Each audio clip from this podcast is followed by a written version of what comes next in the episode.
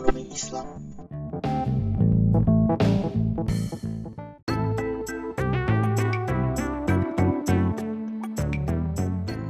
Forecast Islamic economics in your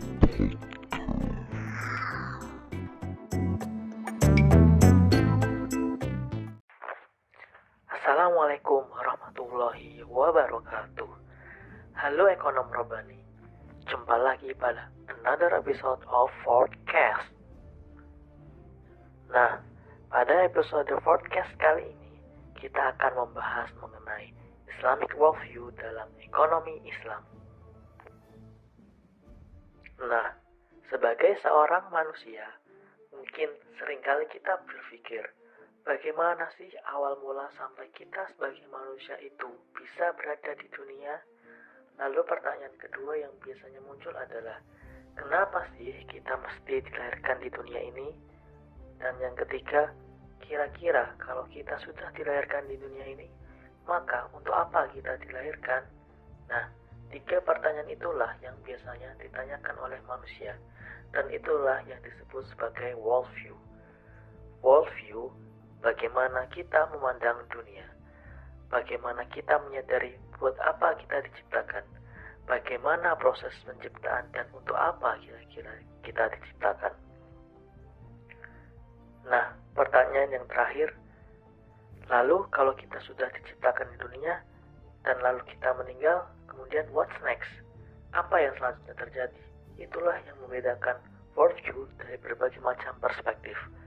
Ada worldview yang bermula dari akal pemikiran manusia, ada juga worldview yang sumbernya berasal dari ajaran agama. Nah, kalau di ajaran agama sendiri, salah satu worldview-nya itu adalah worldview Islam. Dan kalau ditanya, apa yang membedakan ekonomi Islam dengan ekonomi konven, aka mainstream, maka fondasinya terletak pada worldview Islam yang digunakan. Dan apa kira-kira implikasi dari Islamic worldview ini terhadap ekonomi Islam?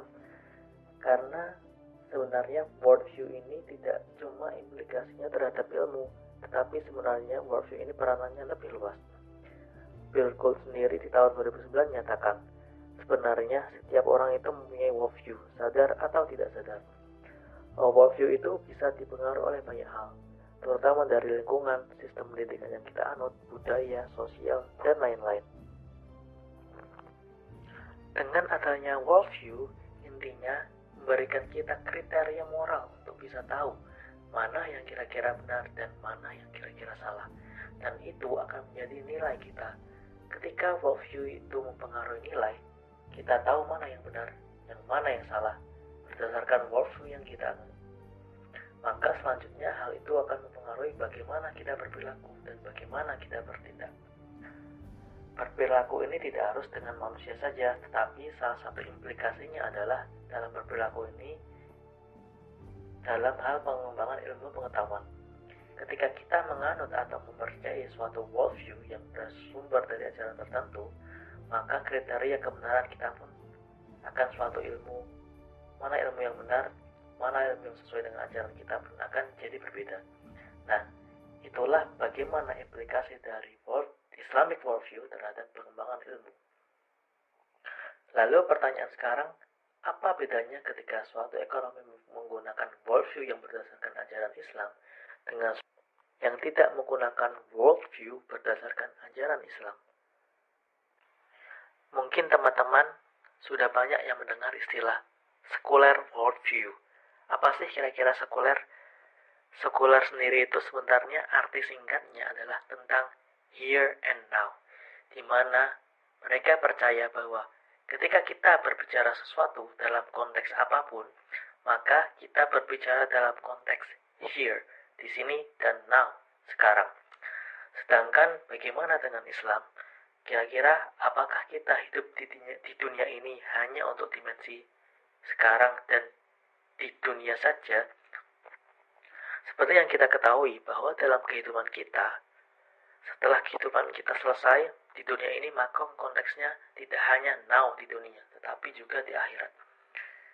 Dan here-nya juga ada tambahan istilah menjadi hereafter, bahwa akan ada kehidupan setelah kita mengalami kematian.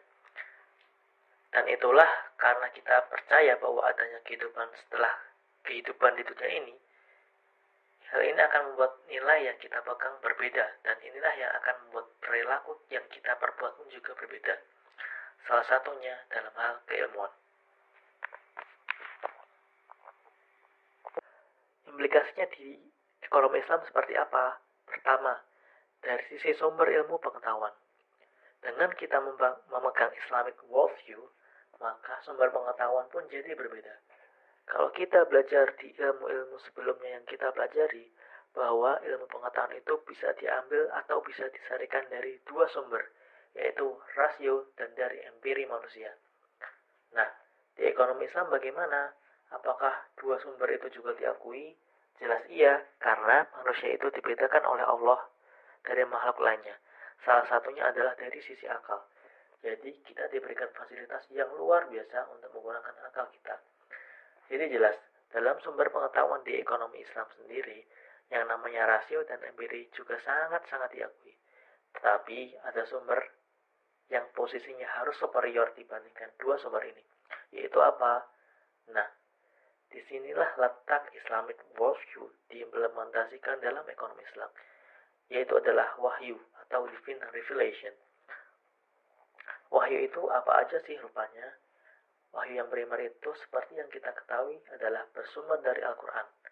Wahyu yang Allah turunkan melalui malaikat Jibril kepada Nabi Muhammad SAW.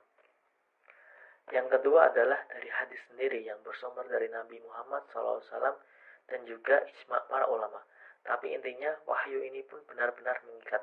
Berarti sumber yang utama yang didukung tentunya oleh empiri dan rasio. Jadi ekonomi Islam selain bersumber pada wahyu, juga menjunjung tinggi rasio dan empiri. Sehingga sumber pengetahuannya pun menjadi lebih lengkap, yaitu dengan tiga sumber tadi, wahyu, rasio, dan empiri. Lalu implikasi kedua dari Islamic worldview terhadap pengembangan ekonomi Islam sebagai ilmu adalah dari segi kriteria validitas. Teori yang dibilang valid di ekonomi Islam agak sedikit berbeda Suatu teori dibilang valid kalau secara empiris benar, tapi juga tidak melanggar apa yang dikatakan oleh wahyu. Tapi mungkin eh, teman-teman di sini sudah sering mendengar dengan istilah riba. Katakan misalnya ada penelitian yang membuktikan secara empiris bahwa, oh riba itu baik kok bagi perekonomian. Dia itu mensejahterakan orang-orang yang misalnya menikmati dari pinjaman berbasis kredit. Nah, secara empiris mungkin itu benar. Tapi apakah itu bisa diterima oleh ekonomi Islam? Karena ekonomi Islam sendiri menempatkan wahyu sebagai sumber dari ilmu pengetahuan, maka jika secara empiris bertentangan dengan wahyu, maka kriteria validitasnya akan berbeda. Dan kesimpulannya, teori atau penemuan seperti itu menjadi tidak valid tidak dapat diterima. Jadi, itu adalah implikasi kedua dari bagaimana Islamic worldview dapat berperan dalam memenuhi kriteria validitas dari ekonomi Islam. Nah, yang terakhir yang kita akan bahas juga yang agak lebih mendalam yaitu bagaimana Islamic worldview ini punya peran terhadap pembentukan aksioma. Aksioma, aksioma itu adalah nilai-nilai yang kita anggap benar dan aksioma itu nantinya akhirnya akan diturunkan menjadi asumsi. Sebagaimana yang kita ketahui, ekonomi itu sendiri berbicara tentang asumsi. Ekonomi itu nggak cuma bicara tentang bank, nggak hanya bicara tentang uang, dan nggak hanya bicara tentang misalnya APBN. Ekonomi itu lebih luas dari itu. Apa sih ilmu ekonomi? Ilmu ekonomi itu sebenarnya berbicara tentang bagaimana manusia membuat pilihan atau choice ketika dia punya unlimited wants atau keinginan yang tidak terbatas bahwa manusia secara naluri, naluriah punya keinginan untuk yang mungkin sifatnya adalah tidak terbatas, tapi di sisi lain terdapat masalah yaitu sumber daya yang terbatas. Karena kita punya unlimited wants dan dihadapkan dengan scarcity resources, maka muncullah choice. Kita harus memilih. Kita tidak bisa memenuhi semua keinginan yang kita inginkan. Nah, maka di situ muncul choice. Jadi ekonomi berbicara pilihan. Ketika kita bicara pilihan, maka harus ada asumsi individu yang membuat pilihan itu. baik itu individu sebagai konsumen, sebagai produsen, atau sebagai pembuat kebijakan. Nah, yang membedakan nantinya di ekonomi Islam itu asumsi kita terhadap individu yang membuat choice ini akan menjadi ber, akan menjadi berbeda dengan asumsi yang digunakan dalam ekonomi konvensional. Nah, inti yang akan kita pelajari setelah ini adalah bagaimana sih kira-kira implikasi dari Islamic worldview terhadap aksioma manusia itu harus kayak apa sih kalau di ekonomi Islam? Dan selanjutnya lalu asumsinya individu atau economic man dalam Islam itu harus kayak seperti apa sih? Nah itu yang akan kita pelajari dalam episode selanjutnya